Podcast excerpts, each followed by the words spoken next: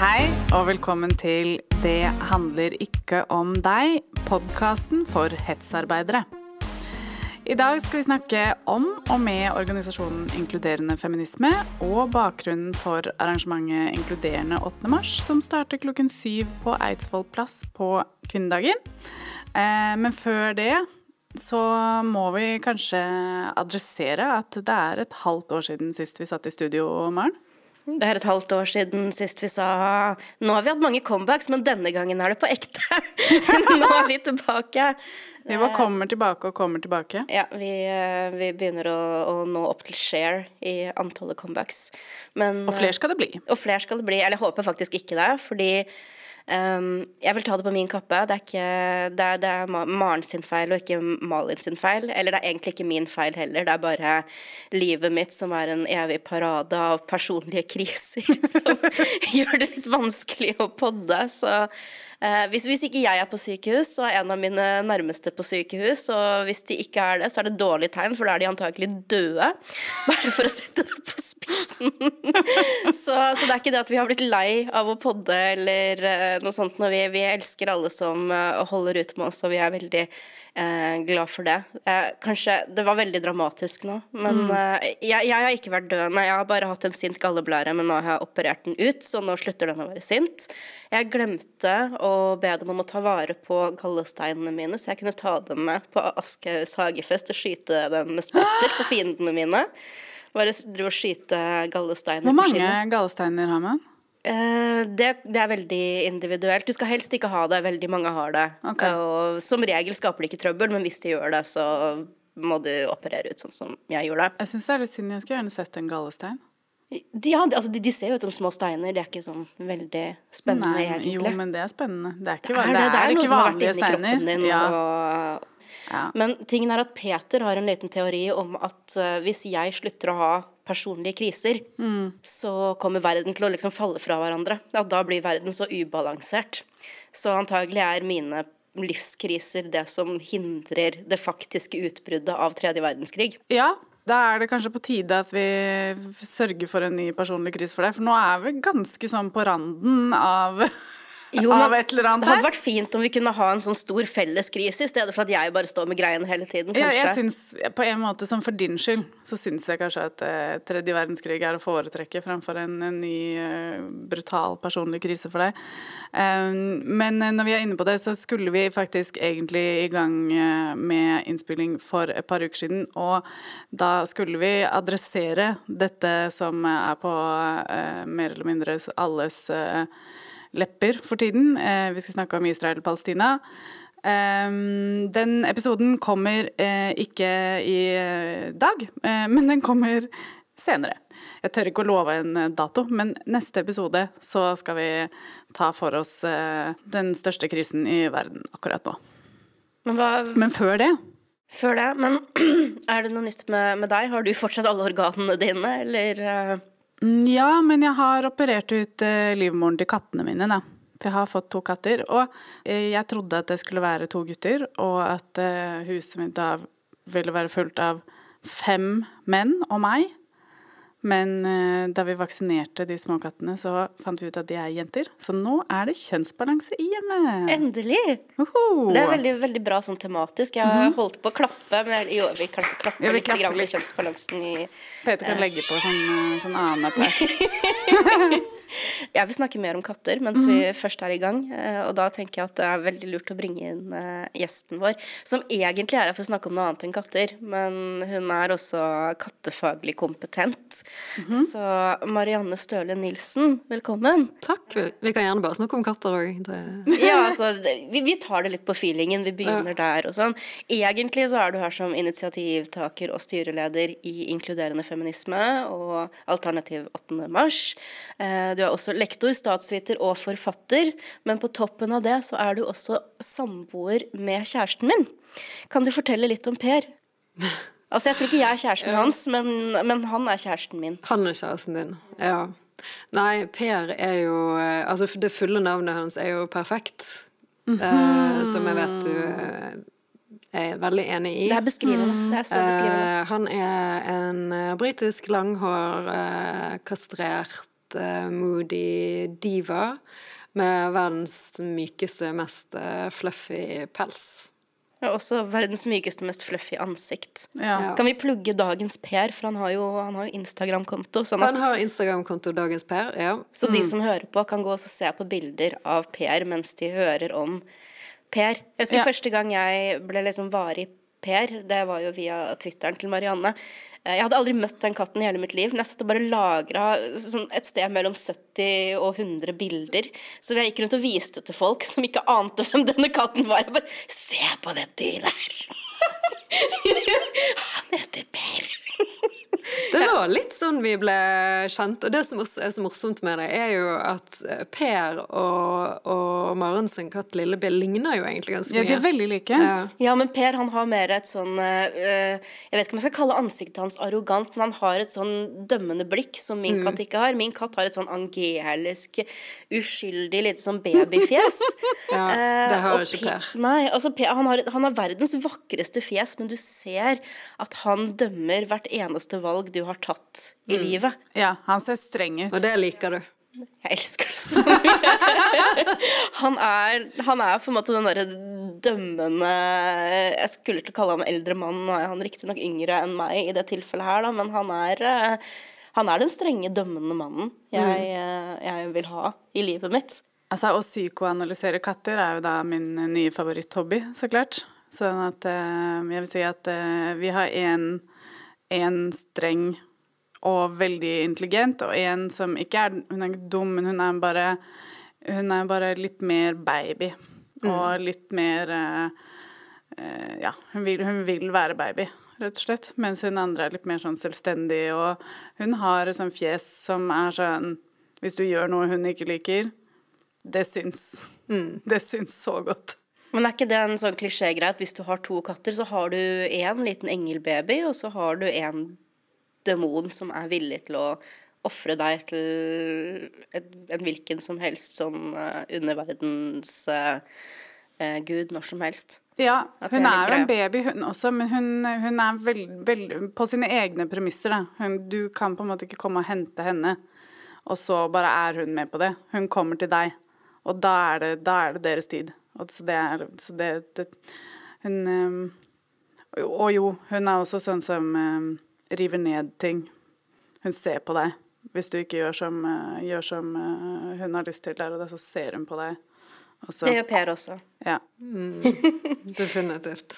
Jeg liker den klisjeen at vi er tre, tre godt voksne feminister som skal sitte og snakke om feminisme, og så er det ja, vi har katter. Malin får til nøds være med til trøst for at hun ikke er enslig, og at hun har eh, menneskebarn i tillegg til de ordentlige barna som hun nå har fått seg. Vi, eh, vi blir jo fort de klisjeene vi, mm, vi fortjener å bli.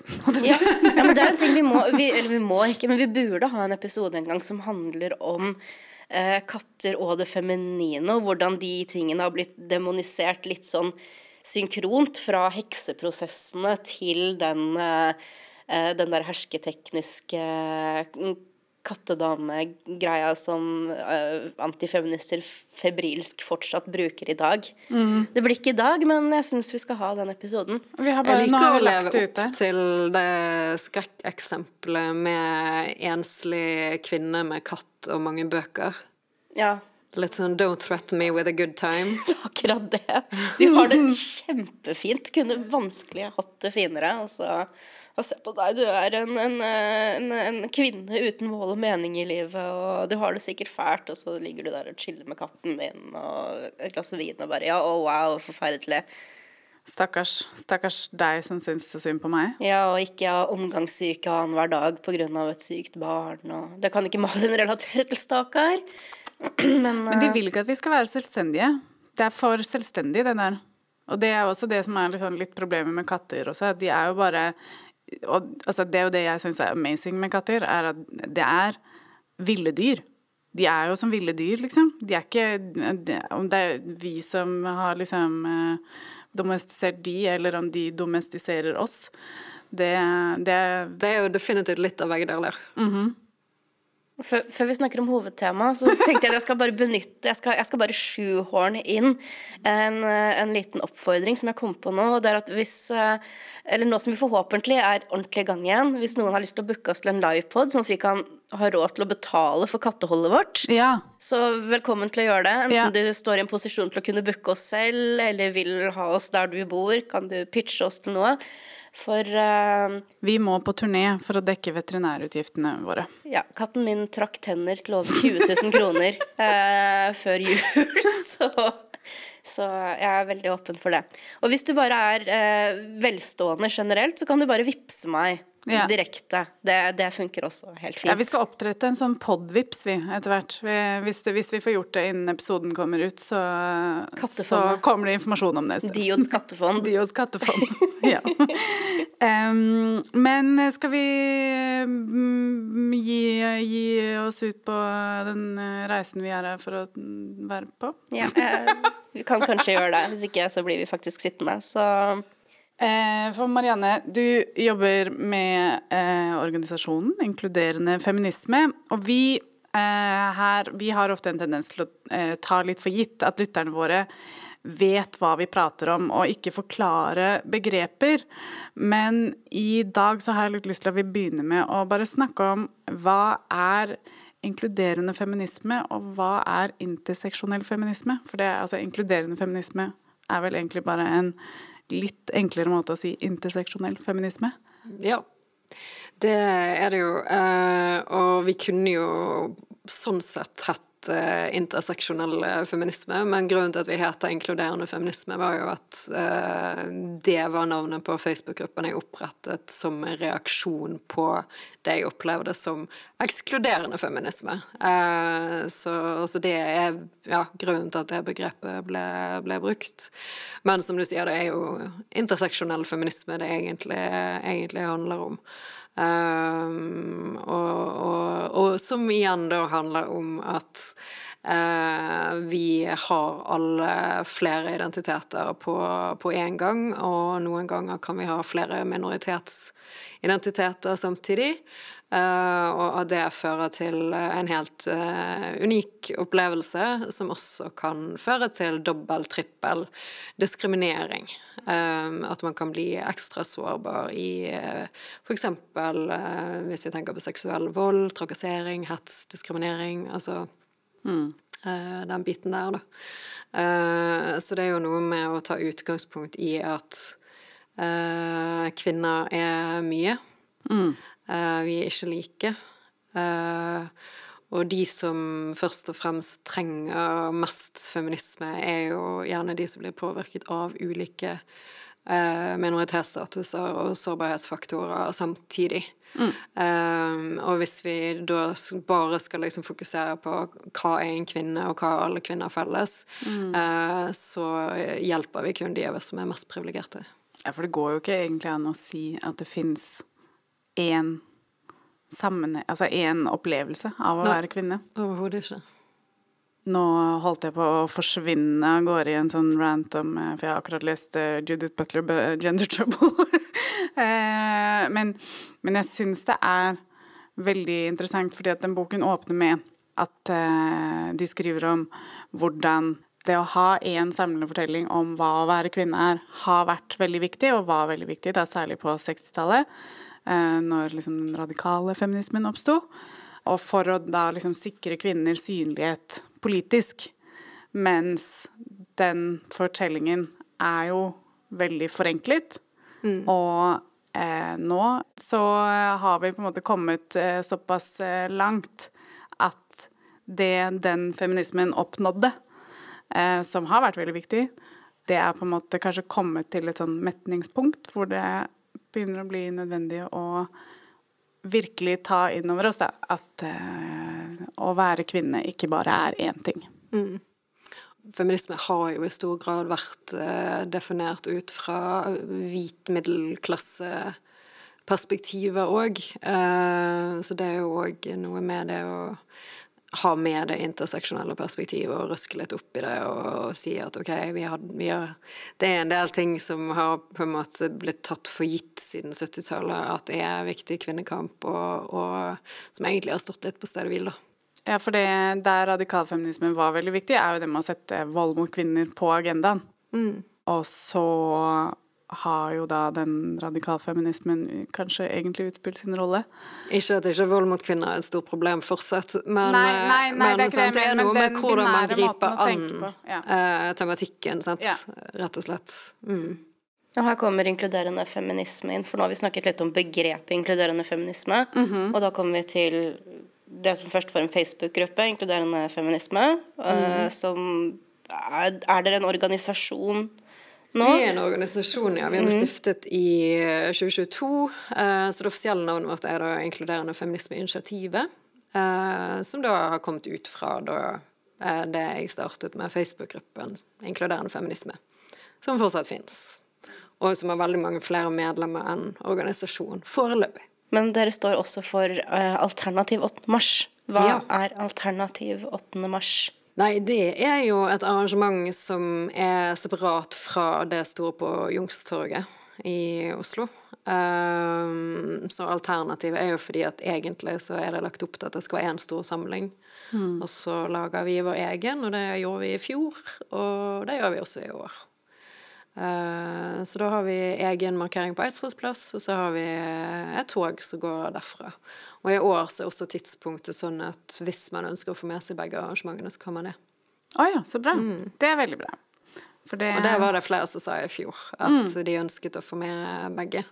Så det er delvis derfor, men også fordi at uh, det er markering for Ukraina hver dag på samme tidspunkt. Uh, så vi kunne liksom ikke begynne tidligere. Wow, det er ikke for meg hver dag.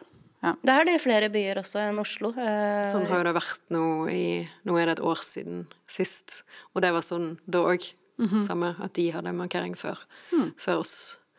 Så der uh, har vi jo Der har vi en sak som ikke har kommet lenger. Hmm. Mm. Men, Men eh, med, med, med, arrangementet nevnt, jeg vil bare smette inn også at organisasjonen og Facebook-gruppa den er jo ikke kun for folk i Oslo-området. Nå snakker vi om Nei. arrangementet på, på, den 8. mars. Ja. Men hvis det her er et tema noen eh, er engasjert i, så er det her uh, for alle. Det er ikke en uh, Oslo-spesifikk uh, organisasjon eller noe sånt noe. Mm. men hva var grunnlaget for at eh, inkluderende feminisme valgte å starte sin egen ja, alternative 8. mars?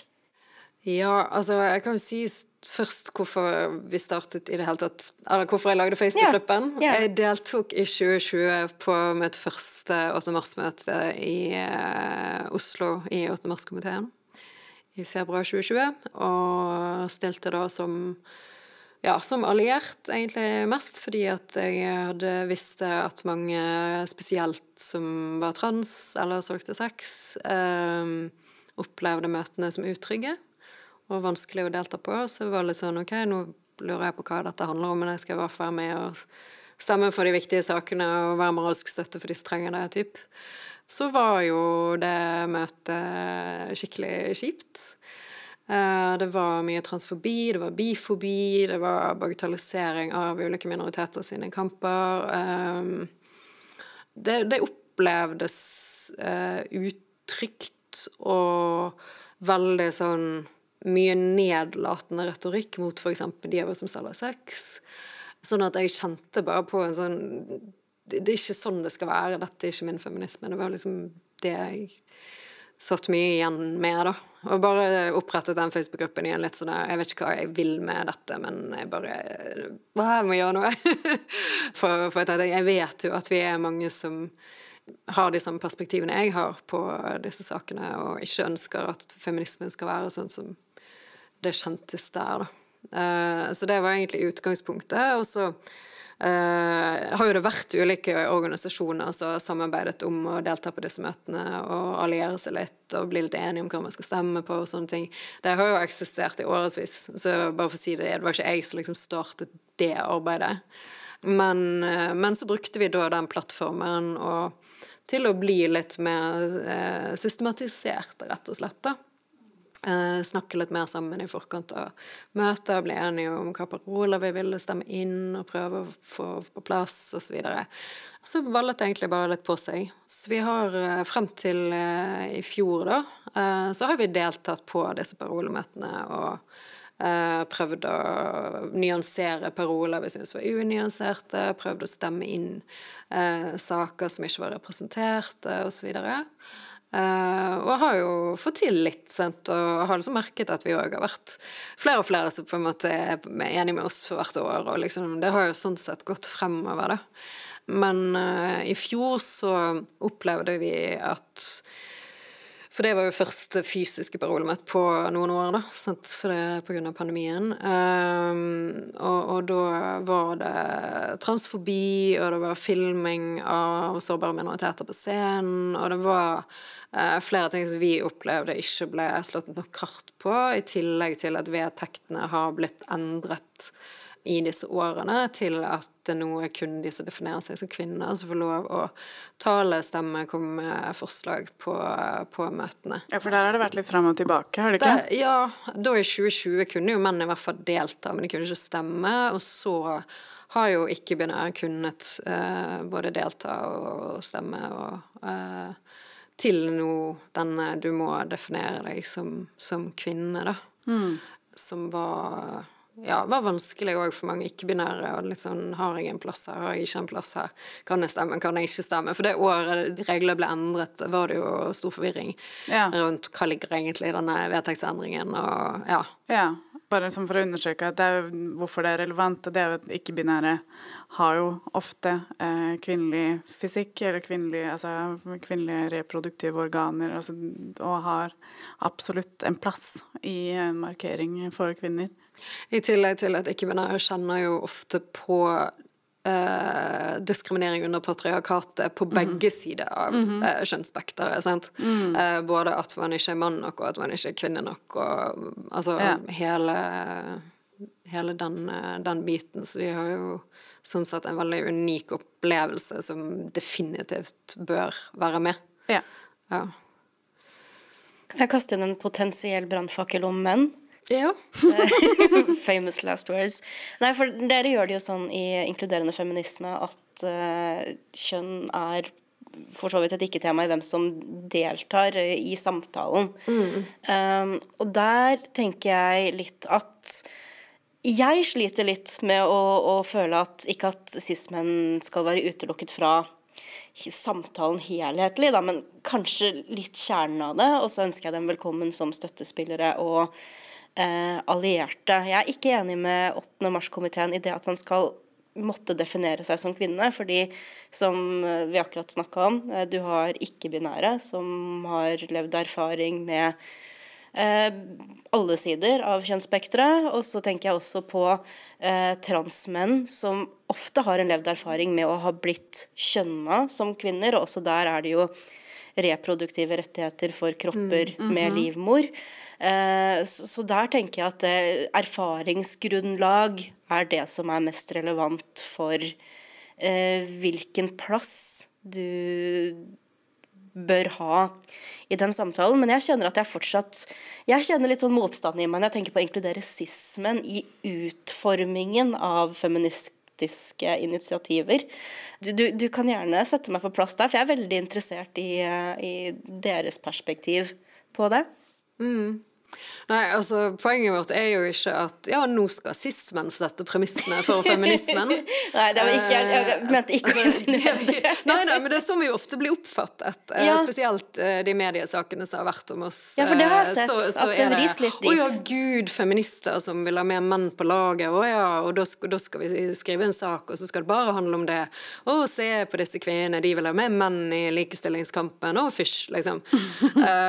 det er jo uh, ja, litt ironisk, hele greien. Men eh, Nei, altså, poenget er ikke at cis-menn skal sette premissene. Poenget er at hvis Altså, la oss si vi definerer likestilling som vi ønsker å fremme kvinners rettigheter, da. Jeg definerer det bredere enn det. Men la oss si vi tenker det, og spesielt på 8. mars så tenker vi det. Det er fremming av kvinners rettigheter. Så kan du heller ikke gjøre det uten å ha en samtale og inkludere perspektiver som både er interseksjonelle, men også inkluderer alle kjønn. Mm -hmm. uh, og i den samtalen vil jeg at også cis-menn skal være med. Uh, ja. Fordi at uh, vi kommer ingen vei uten å gjøre dette sammen. Så det er ikke sånn at uh, på kvinnedagen skal vi dra lasset for menns likestillingskamp i de sakene der menn trenger det. Uh, selv om Helt ærlig, det er jo det kvinner har gjort. Pappaperm mm. kommer ikke fra mannsaktivister. Det kom fra feminister. Sant?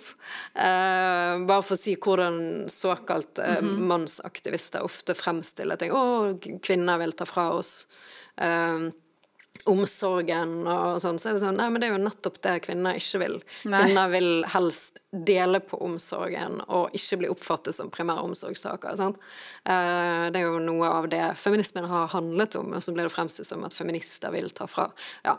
Um, men, men sant, å, ha um, Ja, ha menn med i, i de samtalene, og også forhåpentligvis at flere, også sismen, skjønner hvordan patriarkatet er skadelig for alle, da, og hvor mye vi har å vinne på å jobbe sammen eh, for likestilling, for like rettigheter, for like muligheter. Um, bare eksempel seksuell likestilling, da. Mm. Hvis kvinner ikke hadde blitt slutshamet hele tiden, så hadde flere menn fått ligge.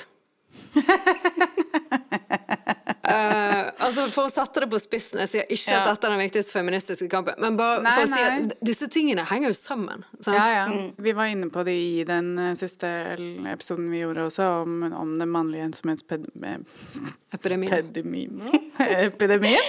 Pediatrien? Eh, den mannlige ensomhetsepidemien. Om, om altså bare at misogyni også rammer menn. Mm. Det er en sånn, ganske sånn komisk eksempel på begge de tingene. Altså at kvinner blir slutshamet, og misogyni rammer menn, som har liksom gått eh, viralt i det siste. Det er en tweet da, eh, fra en sånn maga-fyr eh, som skriver om Travis Kelsey og Taylor Swift. Og så skriver han For han kan ikke forstå da, hvorfor Travis Kelsey er sammen med Taylor Swift. Og så skriver han Hvorfor vil en rik, berømt mann gifte seg med en 34 år gammel kvinne? Hvis du setter i gang umiddelbart, vil du kanskje ha mulighet til å få to barn. Og hun har offentlig hatt sex med et tonn menn. På tross av hennes rikdom er hun, veldig, er hun av veldig lav kvalitet for enhver suksessrik han. Det virker bare rart, og nesten som han er en homofil fyr. Så det tenker jeg er bare sånn sol... Ja, det er mye å ta tak i. Men det er bare sånn soleklart. Er det gøy å ha dame? Det er gøy å ha dame. Det er gøy å være sammen med en som har hatt kjærester før. og eh, det er gøy å være sammen med en som er 34 år, haugammal. Ja, æsj. Æsj. og eh, ja, nei, det i det hele tatt. Så det, det er liksom Ja, det oppsummerer veldig mye av grunnen til at det er på en måte viktig å inkludere menn i den samtalen. Fordi bare det å ha liksom myke verdier er liksom sett litt ned på. Og det mm. føler jeg også er på en måte noe som sprer seg mer og mer. At, at, uh, at det er liksom noe svakt da, ved mm. å ha de myke verdiene og være, være, en mann som er på en måte en omsorgsperson. Mm. Eh, så, så, vi må på en måte ta, ta litt tak i det de greiene der. Og det, det, mm. må menn, det, må menn, være med på. Ja, sant. Det er akkurat det. Det henger sammen. Og ja, når vi snakker om dette med menns psykiske helse òg, sant. At det er ikke kvinnene som har skapt det trange rommet for mannsrollen, liksom. Der har jo feminister heller prøvd å utvide det. Mm. Og, og, apropos masse psyko-greier som er på Twitter, som, som, jeg ikke er på lenger, da, for mm. øvrig, grunn av Elon Musk. Uh, men liksom når du ser på alle disse her uh, uttalelsene om hvordan ting er ille for menn, da, og, og som feminister får skyld for, så er jo ting som oftest ganske omvendt. Mm de rettighetene de vil ha, er det nettopp feminister som er å kjempe frem. Ja. Nei, så vi må snakke sammen, uh, helst ikke forbi hverandre. Og, og, også det at de problemene kvinner har av menn, da. Mm.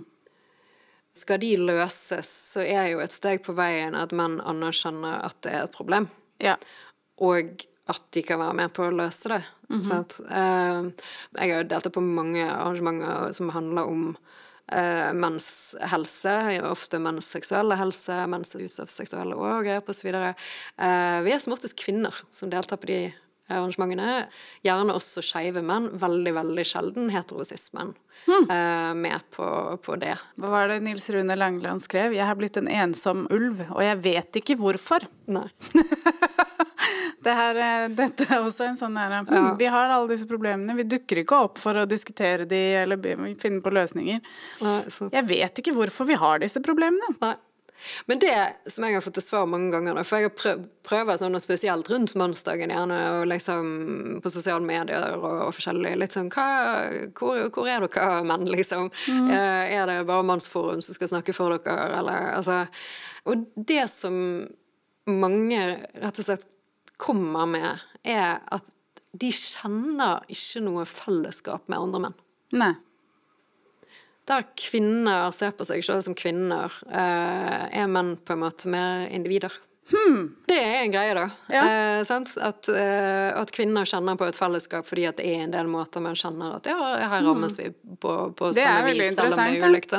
Mens menn liksom Nei, men hva har jeg Og noen er òg sånn Ja, men jeg har ingenting å kjempe for. Men det er jo sånn når du våkner og egentlig har alle rettighetene dine, så hvorfor skal du liksom trenge å identifisere deg med en gruppe, eller kjempe i gruppe da, egentlig? Nei, sant. Det, det er jo ganske tydelig tegn. Kanskje det er en grunn til at menn ikke trenger, har historisk da, har trengt å organisere seg på den måten som kvinnebevegelsen har. Og også hele tiden omtaler såkalt identitetspolitikk som noe veldig negativt, nærmest mm. noe svakt, fordi at jeg har jo ikke behovet for å meg, definere meg selv etter andre, eller mm. uh, gruppementaliteten der, den har aldri jeg trengt. Michael Kimmel har jo uh, en uh, TED-talk om, om, likestilling, der han nevner liksom at han deltok i en gruppe om Jeg husker ikke om det var om feminisme eller, eller det var kjønnsteori, men i hvert fall der liksom det var snakk om litt sånn hvit hvit feminisme, og liksom, så er det en, en, av kvinnene som sier ja, når jeg ser meg i speilet, så ser jeg en kvinne. Og så er det en deltaker som da sier ja, når jeg ser meg i speilet, så ser jeg en svart kvinne. Og så var, sitter han der som eneste mann og bare sånn ja, hva ser du når du ser i speilet? Og han bare nei, jeg ser en person, jeg, liksom. Mm. Uh, så han har liksom både det eksempelet og et eksempel der han skulle være gjesteforeleser i uh, jeg mener det var kjønnsstudier, da. Eh, og de hadde vanligvis en kvinnelig foreleser, og så kommer han inn, og så er det en av studentene som bare ah, endelig kommer det noen som er nøytral. Ja. så ja. Mm, ja, den nøytrale mannen. Endelig. og det går jo igjen, sant? Og det går jo igjen i mange av disse sakene uh, som vi òg uh, jobber med. For eksempel så er det sånn Å, nei, men er du er du transaktivist, kanskje du forsker på transtematikk? Og så er det sånn, ikke det heller det, hvis du forsker på det, så skjønner du til en del ting som gjør at du kanskje ikke være aktivist. Ja. Og det er jo det jeg kjenner òg. Jeg er aktivist, og så blir det sånn Å, du er ikke nøytral. Nei, men hvordan kan du være det, da?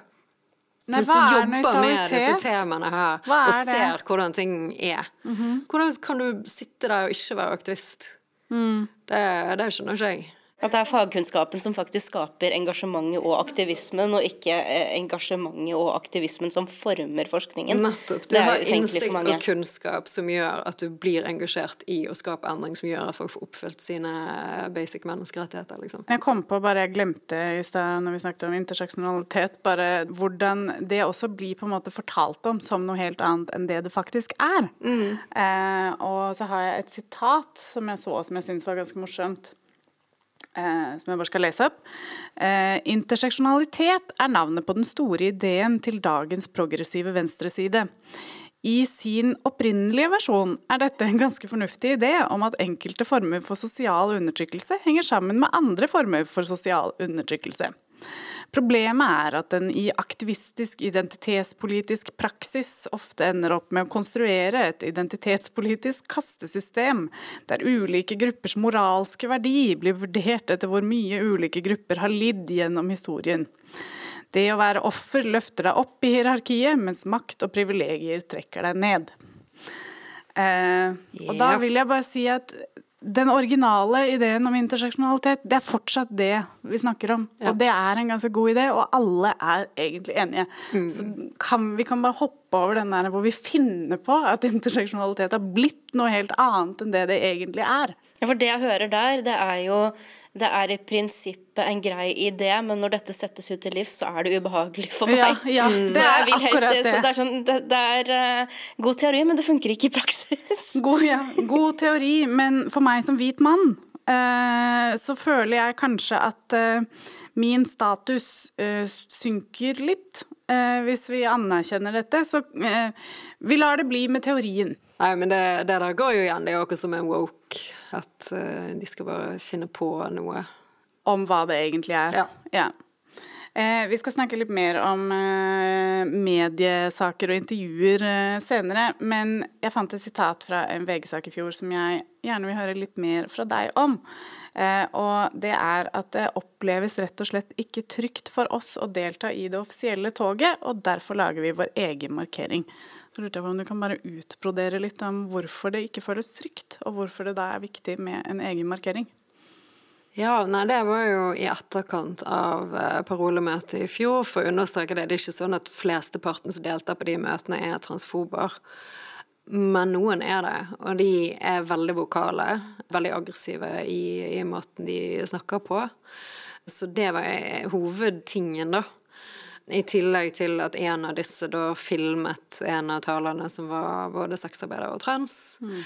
Aner ikke hva det ble brukt til, sant. Og da, da blir det litt sånn Når arenaen som er i forkant av markeringen, oppleves på den måten, da kjennes ikke det ut som noe man har lyst å delta på, og anbefale ulike minoriteter å delta på, rett og slett. Så det var det vi kjente på, at dette er ikke en arena vi kan, vi kan være med på. For det ble òg ikke møtt med sånn dette syns vi var kjempetrist, eh, dette vil vi gjøre noe med, neste år vil vi sørge for at det er trygghetsvakter, vi vil være tydeligere på regler, eller Altså, det var ingenting sånt, det var bare sånn å ja, dere mener det, ja, gjør deres egen greie. Dere splitter kvinnebevegelsen, men ok, gjør deres egen greie, dere og, og denne, eh, de der sexarbeiderne deres, på en måte. Det var vel litt det inntrykket vi satt igjen med. Og så er det jo mye òg sånn, ja, som om vi da ikke er feminister, og som vi bare er opptatt av uh, av to saker, da. Transrettigheter og sexarbeideres rettigheter.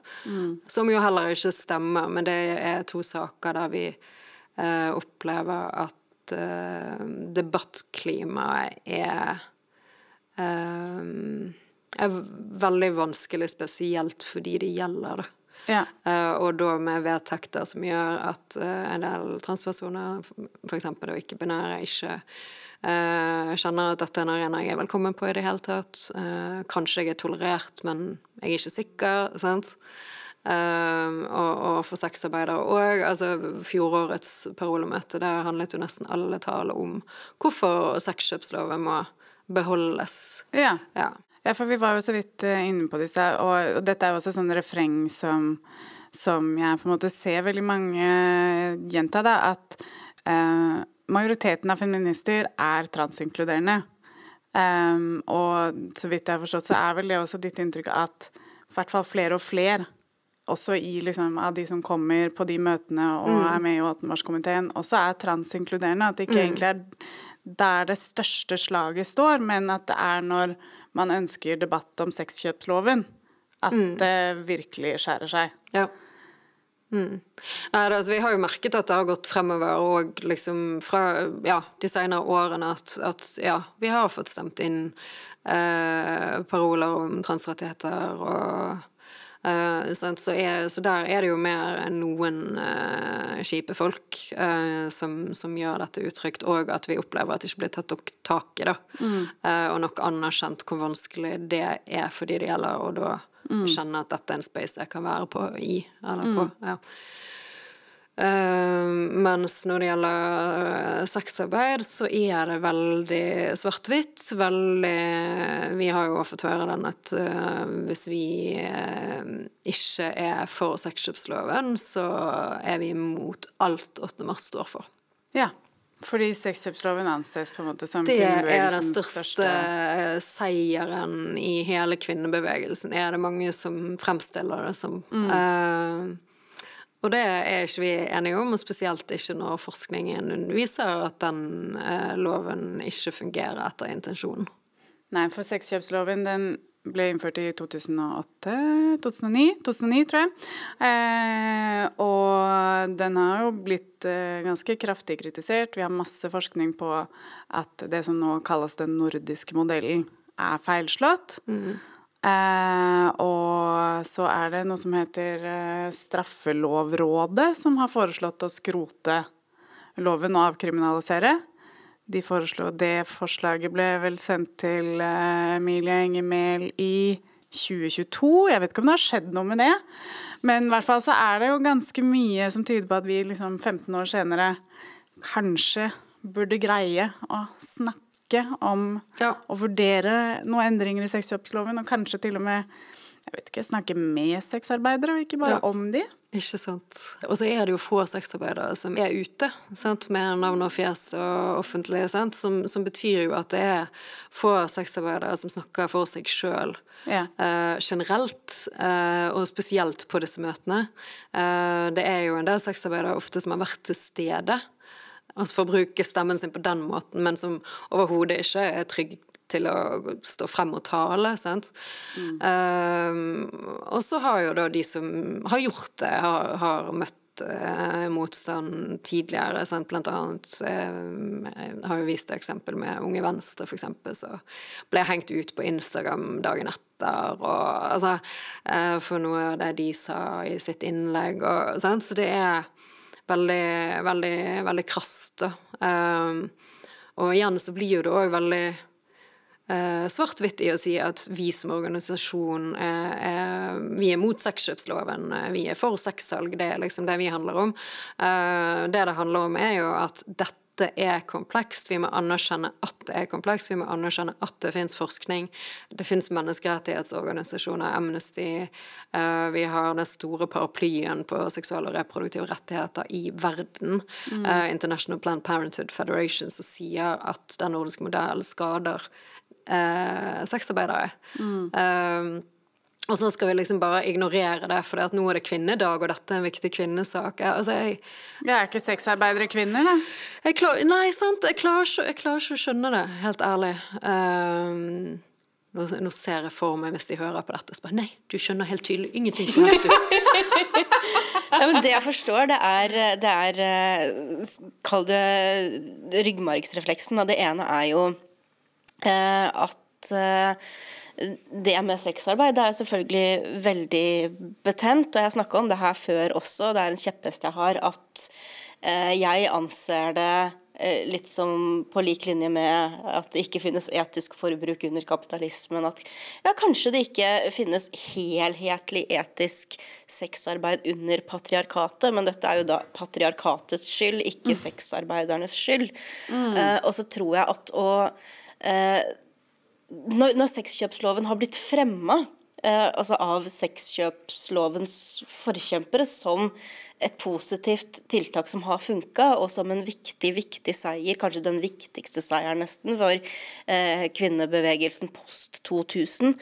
Eh, at eh, du internaliserer det nesten. At dette er eh, en, en, sånn uh, gyllen kalv som vi mm. overhodet ikke kan røre ved.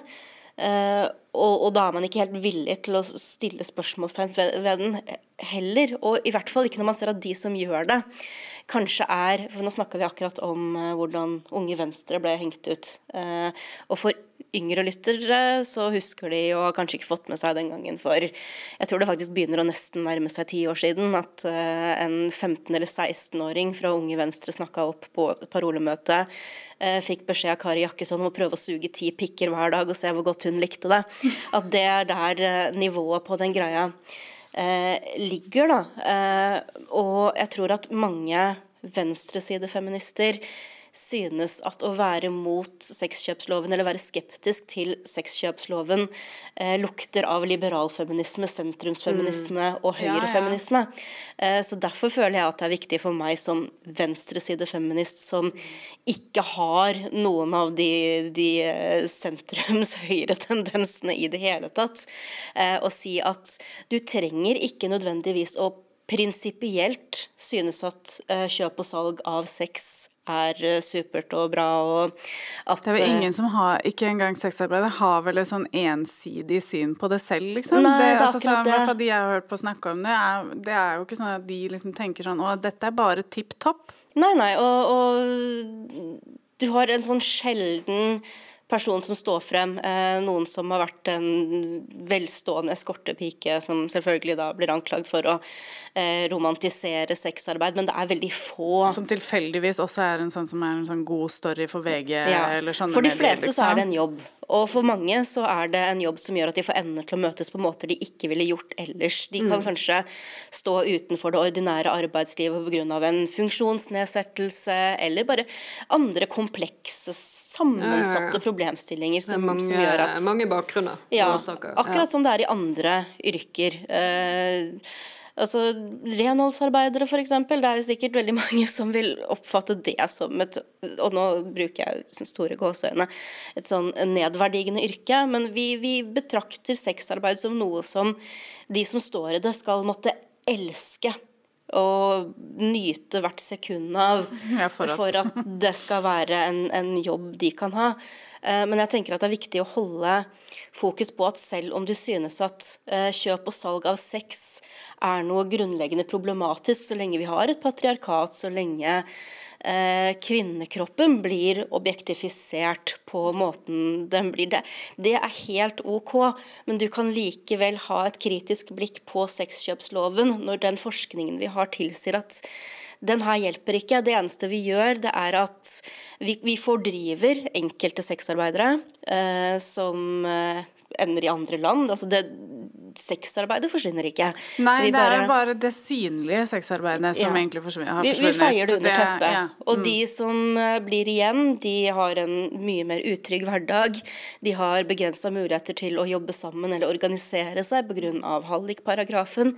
Mm. Eh, og det er alle disse tingene her da, som Altså, jeg forstår jo at eh, med den symbolske seieren kvinnebevegelsen føler at den fikk med sexkjøpsloven, at det, vil føles som et enormt nederlag. Og kanskje innrømme at oi, det var kanskje, kanskje Ja. feilslått. Eh, Men jeg syns det er veldig viktig å kommunisere det at det handler ikke om en sånn superliberal holdning til kjøp og salg av sex. At det, du, du skal være helt OK med det. For jeg skjønner da at eh, veldig mange vi, vi vet jo at menneskehandel eksisterer. Eh, og jeg tror at altså, noen blander sammen Noen sexarbeid. sammen. Og noen gjør det med overlegg, for de syns at det er eh, to sider av samme sak. Ja. Eh, men, men det er jo der jeg tenker at det er viktig at vi har de samtalene her. eh, At det er jo nettopp derfor en parole som Nei til sexkjøpsloven bør kunne eksistere i et 8. mars-tog. eh, nettopp fordi at vi har alle samme mål. De som er mot sexkjøpsloven, er ikke nødvendigvis for et sånn fullstendig frislipp av eh, alt på alle mulige premisser. Det bare handler om, hvordan skal vi faktisk trygge ikke bare kvinner som står i, i sexarbeid, det er mange andre også. Vi vet jo at transpersoner, ikke-binære, er overrepresentert på mange måter eh, her.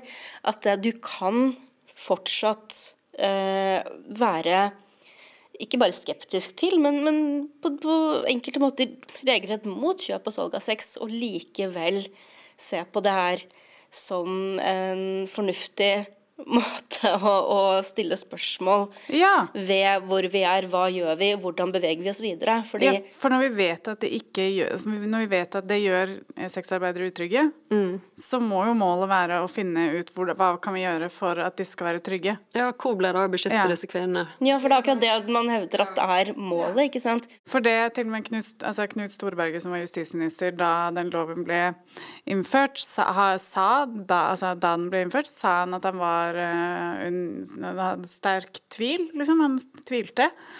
Eh, men landet på at de skulle teste det. Og så har han jo sagt i ettertid at, eh, altså at det er helt åpenbart at den ikke har fungert, og at man har på en måte innført den loven uten å gjøre alle de andre tingene som også hadde måttet være viktig for at den loven skulle ha ønsket effekt. Eh, og at eneste resultatet er bare at den synlige, det synlige sexarbeidet på gata er på en måte Det blir borte. og mm og det gjør også bare at man har mindre oversikt. Politiet har mindre oversikt, alle har mindre oversikt over hva som mm. egentlig skjer.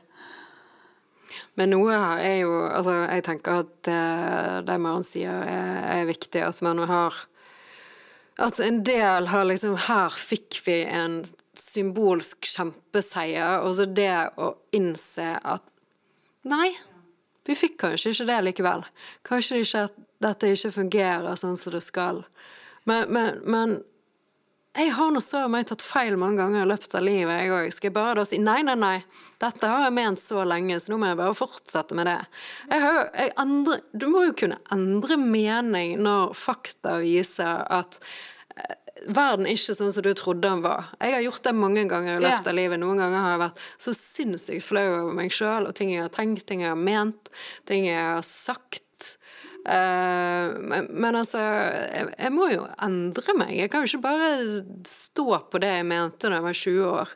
Uh, det, det, er liksom noe med det. Det må gå Det må gå fremover. Og så hadde jeg bare lyst til å kommentere det når du sa om uh, sånn venstresiden versus høyresiden på disse temaene. For det at Eh, de fleste av, av, oss som jeg vet politisk ståsted på, eh, som er engasjerte i inkluderende feminisme, er på venstresiden.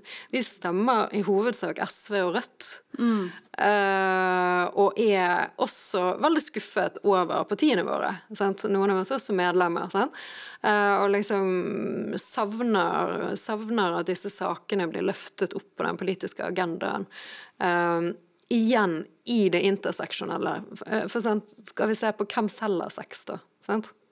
Hva er årsakene? Det er jo så enormt mye klassekamp i det, for eksempel. Ja, apropos, apropos det, så, så, var det en kommentar i Dagsavisen i oktober i fjor fra en fast ansatt kommentator der, eh, som handlet Hva var tittelen? Var 'Klassekamp i regnbueland' eller et eller annet sånt noe. Eh, som eh, da argumenterte for at eh, den skeive bevegelsen og venstresidens fokus på symbolsaker og verdikamper står i veien for Klassekampen. Og så er det da liksom en påstand som er ganske sentral. Da. Liberalismen har alltid vært en naturlig del av den skeive kampen, som handlet om seksuell frigjøring. Bare seksuell frigjøring. Eh, men den har også sneket seg inn i den feministiske og antirasistiske bevegelsen. To bevegelser som var en naturlig del av klassekampen. Klarer vi å innse når liberale verdikamper kan krasje med klassekampen uten å begynne å hate hverandre? Hva sier dere? Det virker som at her glemmer man fullstendig at det finnes en frihetlig venstreside, og at eh, disse verdiene nødvendigvis, som vi snakka om akkurat nå i stad, nødvendigvis må være sentrumsliberale. Eh, men, men, det her handler jo, som Marianne sier, nettopp om klassekamp. Hvem er det som selger sex? Hvem er det som eh. Eh, og her, Men den, denne kommentaren handla vel først og fremst om eh, om uh, det skeive. Nei, den er også eh, altså, Det er et eksempel uh, på denne liberale verdikampen, som er at uh, Arbeiderpartiets homonettverk hadde foreslått å fjerne sexkjøpsloven, begrunnet med og Dette er jo da sitatet fra kommentaren, ikke det de sa, men begrunnet med at opptil flere transpersoner ser seg nødt til å selge sex som følge av utenforskap og arbeidsledighet. Og det er en veldig upresis gjengivelse av det som Aps homonettverk faktisk foreslo, eh, som var at eh, LHBT pluss-organisasjoner mener det finnes for lite kunnskap om kjøp og salg av sex blant mennesker som bryter med normer for kjønn og seksualitet. Det er behov for å ta tempen på loven på ny og skaffe ny kunnskap om hvordan den slår ut. Som er ganske ryddig og redelig, men det er liksom ikke sånn det blir gjengitt, for det er jo så mye Jeg har prøvd å, i mange uker prøvd å oversette 'bad faith' til norsk, og i dag så har jeg landet på ussel hensikt. Ja. For det føler jeg ofte er på en måte det, det, er vanskelig å vite med mange av disse kommentarene om det er på en måte rett og slett at de bare ikke veit noe som helst, mm. Eh, og ikke forstår det de prøver å skrive om. Eh, eh, eller om det er rett og slett usle hensikter. Men det er jo det, og liksom Her var det jo uh, sant, den skeive bevegelsen som uh, Men det jeg ser f.eks. hvis um, Altså både sexkjøpsloven og um, og rusreform har jo ganske mange like mm. trekk. Mm. Det er mye moralisme, det er mye sånn skyttergraver på fordi at dette mener vi bare. Uh, vil ikke se på forskningen, sånn. Uh, men på begge de temaene så har jeg jo diskutert en del på, på sosiale medier med Altså jeg sjøl uh, politisk på venstresiden, helt langt vekk fra sentrum. Mm. um, og Eh, Når jeg har diskutert disse temaene med de som da er gjerne i partiet Venstre og, og generell høyreside, da, eh, så er det sånn Vi er enige om disse sakene. Men vi er enige om det av ulike grunner. Sant? Jeg ser på dette ut fra et eh, menneskerettighetsperspektiv, et solidaritetsperspektiv. Sant?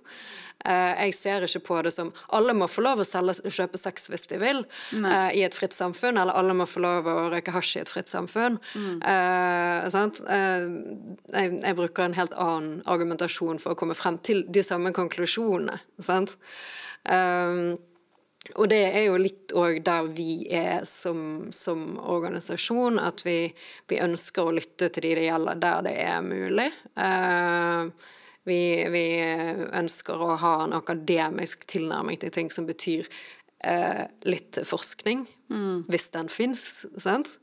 Uh, men òg da med menneskerettigheter og et interseksjonelt perspektiv i, i sentrum. Og, og, og, det er jo der jeg òg, som jeg da gjerne har sagt noen ganger til eh, Ok, det er en del ting, sant? sexkjøpsloven, rusreform, forskjellig, som ligger på høyresiden politisk eh, per i dag, da, i stor grad. Eh, i hvert fall, i hvert fall enigheten, sant. Uh, der man liksom Ok, uh, så i teorien så er det mange som kunne stemt der for de sakene, men der mangler klasseperspektivet. Sant? Og har du ikke en omfordelingspolitikk, hvem rammer du mest? Jo, sant, de som uh, er avhengige av rus, de som selger sex uten at de egentlig ønsker å selge sex. Altså vi, vi, kan ikke liksom koble disse tingene fra, fra hverandre. Jeg tenker også at Bunnlinja i den kommentaren som Malin leste fra, det er jo at eh, klassekamp bør eh, være bunnlinja eh, for de fleste når man skal diskutere mm. ting. Og det er den jo, i alle fall for meg, jeg skal ikke snakke for noen andre. Men at disse tingene som, som, her presenteres som en distraksjon, og det er det flere som gjør. Mimi Kristiansson går jo ganske langt i, i det noen ganger, å presentere såkalt identitetspolitikk som en distraksjon fra Klassekampen, når de i realiteten de handler jo om eh, samme ting. Og selvfølgelig, hvis man behandler eh, roten, da, altså den grunnleggende årsaken, som er fattigdom og sosial nød, så vil mye jevne seg ut. Men fortsatt så er det veldig mange individuelle kamper man må ta på innenfor det skeive, innenfor sexarbeid, innenfor alle de rus, ikke minst. Alle de her betente temaene som ikke bare automatisk vil jevne seg ut hvis man har økonomisk eh, likhet. Eh, det er fortsatt behov for disse kampene på individuell basis. Mm. Og det klarer man å gjøre samtidig som man beholder klasseperspektivet. Ja, det er det, det her at det går an å ha to ting i hodet på en gang, og flere ting kan være sant samtidig. Og så er det noe med at vi må også bare greie å sette ord på det at den distraksjonen ligger ikke i å diskutere de Eh, eventuelle identitetspolitiske spørsmålene, men i motstanden som oppstår når man prøver å ta den diskusjonen. Eh, det er der distraksjonen oppstår. Det er jo ikke i For det er litt sånn som selv når vi siterer en av de vrangeste motstanderne av såkalt progressiv venstreside interseksjonalitet, sier jo også interseksjonalitet er i utgangspunktet en god idé. Så da er det jo ikke det man diskuterer i seg selv som er problemet, men vrangviljen som oppstår når man prøver å ta tak i det og gjøre noe med det. Mm. Um, og det Det vi ja. sier, er at Mimi Kristiansson er en brønnpisser. Nei! det var bare jeg som sa det. Ingen andre enn meg sa det. Han er jo sammen med Sofie Marhaug, hun er jo kjempekul. Dette skal ikke være Mimi Kristiansand-episoden, men jeg syns at Mimi Kristiansand er en utrolig flink politiker veldig, veldig ofte. Men han har rotet seg bort i høyresidens narrativ om venstresiden, og sitter fast der. Han bommer av og til. Ja. Jeg liker når han snakker om sosialpolitikk, for der, er, der skinner han. Der er ja. han mm. helt uh, fantastisk. Helt topp. Den uh, boken 'Mamma er trygda', ja. ja mm. veldig bra. Mm. Nå, nå rota jeg meg litt bort. Um, hvor var jeg? før, jeg begynte, før jeg begynte å kalle Mimi Kristiansson en brønnpisser. Klassekamp. Klassekamp. Ja. Ja. Klassekamp. Ja, ja nei, men det er nettopp det. Altså, disse tingene er uh, ikke bare ikke gjensidig utelukkende, men de er uh, ganske avhengige av hverandre. Mm. Så, ja. Men igjen, da, det der med, med, ryggmargsrefleksen, for også når du snakker om ruspolitikk og, og parallellene mellom ruspolitikk og sexarbeid, så bor vi jo i ikke bare et land, men en, en, egentlig en verdensdel hvor eh, jeg tror vi har eh, virkelig internalisert forbudslinja som mm. nesten det eneste vi gjør. Mm. Eh, og at det oppstår en nesten en sånn kognitiv dissonans, tror jeg, hvis man skal prøve å ta høyde for at eh, ikke alt som ikke er å slå hardt ned på noe, er å underbygge det. Ja. Og jeg tror at uh, man tenker det med rus, at uh, hvis det jeg ikke aktivt motarbeider at dette skal eksistere, så, så legger jeg et grunnlag for at mm. dette skal bare blomstre. Og det tror jeg også at mange tenker med sexarbeid. fordi Uh, enten de tenker på trafficking, eller om de er bare prinsipielt motstandere av sexarbeid. At det hvis man ikke bare kjører hardt på med et nei, nei, nei, nei, nei veldig sånn negativt, mm. så, så, enabler du det. Mm. Uh, og, ja, da er det frislipp. Da, da er det frislipp. Men tar... det er jo òg en tanke om, og det går igjen, og det går òg igjen i, i, noe av det vi Altså typ slagordparoler, eh, framing av, av eh, saker som, som, vi ikke er, er enig i, da. Og det er jo litt det der at um, nei til noe, forbud mot noe, er eneste måten å eh, skape eller endre holdninger på. Uh, og det er det jo ikke. Så det, mange, eh, det, virker som det er mange som tror at uh, røykeloven, Høybråten sin 2004-lov, uh, det er liksom veien å gå med alt. Mm, hvis vi bare ja, for forbyr det, Men den er jo jeg også veldig for. hvis vi bare forbyr, så følger holdningene, og, og, og, og, så bare frir vi oss fra problemet. Og det er sånn uh, Ja, det funket der. Faktisk. Det gjorde mm. det. Folk sluttet å røyke inne, selv om de hadde, fortsatt hadde lov til det. Altså, hjem, kan det ha noe hjem, med for at det er mye forskning som viser at det er dritt ja, å røyke? Ja, kan det ha med, kan det ha noe med Ikke det? bare den loven å gjøre. Ja, det er men, mye som har skjedd. Men sant, altså, jeg opplever at det er mye sånn nei til porno, for eksempel. Sant? Mm. Um, jeg sier ikke at ja, vi må ha masse porno. Det, det, er ikke det som er poenget. Poenget er at å si nei til porno For det første, hvordan skulle du få det til? Mm -hmm. uh, for det andre, hvor skal vi begynne? Den er der per i dag. Mm. Uh, hvor begynner vi da? Jo, vi må snakke om dette med barn og unge. Vi må jobbe så både opplys med eh, opplysning om hva porno er, hva det ikke er, eh, hva det er versus uh, faktisk realistisk, god, nytelsesfull, samtykkende sex.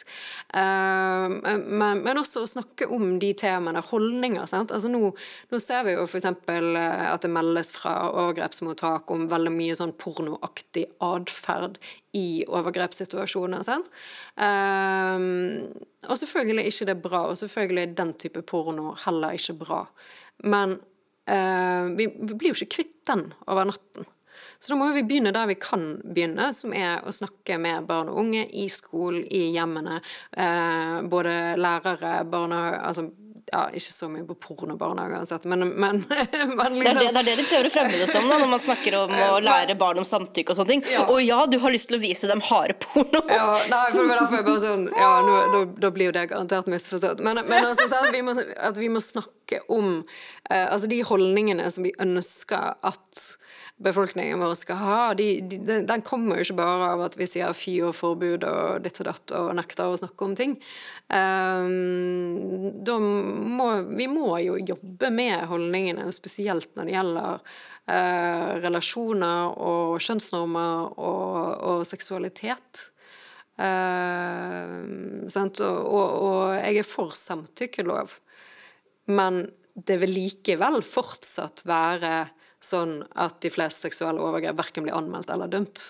Sant? Um, selv om vi kan få en bedring med en samtykkelov, så, så er det jo ikke sånn løsningen på uh, den enorme mengden seksuelle overgrep og krenkelser som er, uh, er ikke lovverket. Det er jo holdninger. Men det er så truende for meg. Som må arbeides med hele tiden. Sant? Eh, og, og igjen, det, det Sånn som det er i dag, er ikke bra for menn heller. Uh, verken for de snille menn som, som eh, får, eh, altså, møter utrygge kvinner fordi at alle har opplevd en krenkelse, alle er redd for disse krenkelsene. Du, det er ikke måten man blir fri i fri utfoldelse eh, og, og, og nyter sek seksualiteten sin, sånn som man kanskje kunne gjort. Sant?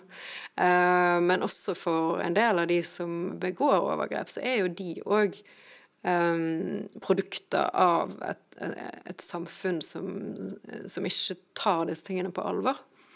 Um, det er veldig mye som kunne vært unngått hvis vi hadde snakket mer om, om disse tingene. For det her er vel også ja. en av sakene dere er opptatt av i uh, inkluderende feminisme, som kanskje ikke snakkes like mye om i kvinnebevegelsen ellers, annet enn som en sånn der nei til porno.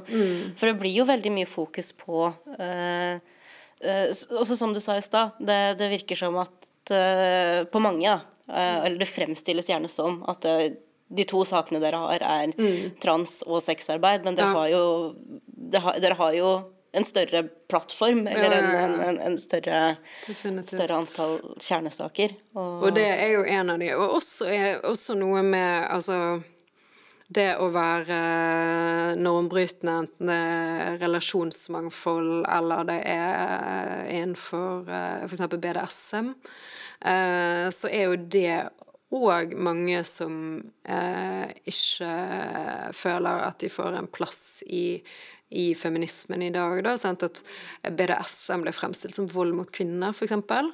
det har jeg sett egentlig overraskende mye av ja. sånn eh, blant feminister i Norge. At det, Mm. det, det trekkes et absolutt likhetstegn der, fullstendig uten Ja, noe ja, ja. rom for At BDSM det er bare menns måte å unnskylde sin vold mot kvinner på. Uh, totalt uh, ignorerer for kvinner har ingen agens. dominatrikser Nei. òg. Uh, men, men bare sånn Det er et av de narrativene som, som BDSM-ere utsettes for. Og, og uh, de av oss som er poli. Og å være poli, det er menns måte å kunne ha seg med flere kvinner samtidig og gjøre sånn. Altså, og så blir det sånn Er dette feminisme å si at kvinner har null agens? Jeg, jeg, ja, igjen kommer jeg tilbake til jeg skjønner det ikke. Nei. For det, at, eh, det er jo det man gjør, eh, og, og en veldig sånn eh, smal sti du skal gå på for å være en akseptert kvinne innenfor eh, feminismen. Så det er sånn, er ikke feminisme at vi er unike alle sammen og må få lov å være oss sjøl med alle våre seksualiteter og preferanser og, og feil og mangler og Og så bli gitt kropper og verktøy til å kunne analysere Ja. Mm. Ja. hvorfor tenker jeg som jeg gjør. Og La oss si at du er en kvinne som, som liker BDSM og, og liker å bli utøvd en viss samtykkende grad av voldsomhet mot Mm. At det du kan ha agensen til å ta den avgjørelsen, men at du skal i mest og størst mulig grad kunne ta informerte valg. Vite, kunne analysere deg selv. Hva er det som gjør at jeg tenker på denne måten? Hva er det jeg har internalisert av Ja, ja, ja. patriarkalske strukturer? Hva er det at det, du skal ha verktøy til å kunne ta sunne valg. Mm. Men når man da kun legger seg på en forbudslinje, så fratar man også mennesker muligheten til å, å kunne gjøre det. Og, også, og da, da vil det jo bli enklere for nettopp de som F.eks. de mennene som faktisk gjør det du sier, som bruker BDSM som skalkeskjul for å utøve vold mot kvinner. Eller altså Uansett, alt vil utnyttes hvis Mm. det kan. Og da, da, da gir man dem nesten muligheten til å gjøre det. For det vil også være f.eks. menn som bruker polyamori som unnskyldning for å ligge med flere kvinner. De vil eksistere, og nettopp derfor så må man jo gi folk muligheten til å kunne vite hva de driver med, og Ja, ja, unngå, ja. unngå å være sårbare. For ja, det finnes også kvinner som vil være sårbare for å utnyttes på disse måtene. Mm. Eh, men man gjør ikke de kvinnene noen tjenester Nei. ved å bare frata dem agensen. Si at du vet faktisk ikke hva du driver med, punktum. Ikke, ikke gi muligheten til å kunne eh, ta de her tankeprosessene. Og det er jo det som går igjen òg i den, den som nå er en av parolene som skal være på Youngstorget i år. Sant? Prostitusjon er vold mot kvinner. Da sier man at alt salg av sex er vold mot kvinner. Hva da med den faktiske vold mot kvinner? Ja. Hvordan skal du da gripe fatt i den hvis all, alt sexsalg og kjøp er vold? Sant? Uh, så, så det er litt, eh, litt samme greien, da, som jeg, som jeg syns er en farlig vei å gå, rett og slett. Ja. uh, vi, vi fratar uh, kvinner agens. Uh, og det tenker jeg er det siste feminismen skal gjøre. Vi skal styrke kvinners ag- agens, vi skal styrke kvinner generelt. Eh, er, er det ikke det feminisme handler om? Eh, jeg, jeg, jeg trodde det. Ja. ja. Nei, hun kommer liksom hele tiden tilbake til hvor utrolig mye påvirkning liksom den radikalfeministisk teori fra 60-tallet fortsatt har. Eh, når alt skal liksom begrenses, og man skal bare ha de enkle sannhetene, og enten så er det Altså det er, enten så er det sånn, eller så er det sånn. Du er mann eller kvinne, og kvinne Det er, liksom, det, er det kastesystemet vi har, da. Og alle andre mer liksom, kompliserte måter å tenke på er var uvelkomment. Det, er nesten, det er jo nesten religiøst. Altså, det er mange radikalfeminister som også er teologer, og jeg tenker at det kanskje ikke er tilfeldig. Ja, det visste jeg ikke. Eh, Anne Kalvig, blant annet. Og, ja, nei, det er mange av de. Det er faktisk mange. Uh, det har liksom kommet sett mer og mer de siste årene at det er jo rett og slett fordi det er jo den der vitenskapelige Eller den kristenvitenskapelige, eh, binære mm, ja, mann, man og kvinne. Det er jo der de møtes, og det er derfor de, de er enige i mange og jobber sammen. Em, jeg tenkte at vi skulle liksom bevege oss videre fra eh, Klassekamp til Klassekampen. Eh, For dere har jo eh, hatt noen opplevelser med å stille opp i media. Eh, Vi har hatt noen som- opplevelser. Dere har hatt noen opplevelser som ikke Ja, hvor alle ikke har vært like positive. Da tenker jeg Du kan egentlig kanskje bare fortelle litt selv hva dere har prøvd å fortelle om, og hvordan det har endt opp med å bli fortalt. Ja. Vi har jo ikke vært mye i media. Um, det er to grunner til det. Det ene er jo at uh, vi, er, vi er små, vi har lite kapasitet. Det andre er at vi er jo bare absolutt alt media liker å sensasjonalisere på en gang. Og alle tingene, kanskje unntatt klimakamp, som vekker alle nettrollene, er vi på en gang. Det er sexarbeid, det er transtematikk, det er ikke minst uff og uff. Vi er kvinner. Vi snakker om feminisme, vi snakker om skjønn. Altså, det er jo bare så mange knagger der som vi vet bare fører til hatefulle kommentarfelt. Så det er sånn, hvem ønsker det? Vi ønsker jo både å få budskapet vårt ut, men samtidig vet vi vet vi hvordan det er uh, der ute. I tillegg til at vi da har hatt noen flere negative opplevelser med uh, journalister, uh, redaksjoner, som rett og slett gjør en veldig eh, dårlig jobb og ikke er etterrettelige. Eksempel den VG-saken som du kom med sitat fra i sted. Den endte vi jo med å sende en klage til redaktøren på. Der var det jo både i måten journalistene gikk frem, og i hvordan saken ble, hvordan han ble fremstilt. For å oppsummere kort, da, så, så var det da en journalist på formiddagen 8. mars begynner å bare ringe rundt til alle i styret. Jeg aner ikke hvor hun fikk nummeret mitt fra. Jeg har hemmelig nummer, liksom. Eh, så jeg har spurt en av de andre, ringte til alle appellantene. Altså, Det er jo journalistikk, det å bare ringe veldig mange folk. ja, ja, ja. På, på 8. mars. Men, men det, det var jo òg, bare for å si at eh, det at vi skulle ha vår egen markering, det var offentliggjort i februar. Yeah. Så det er ingen grunn til å ringe rundt oss på formiddagen 8. mars.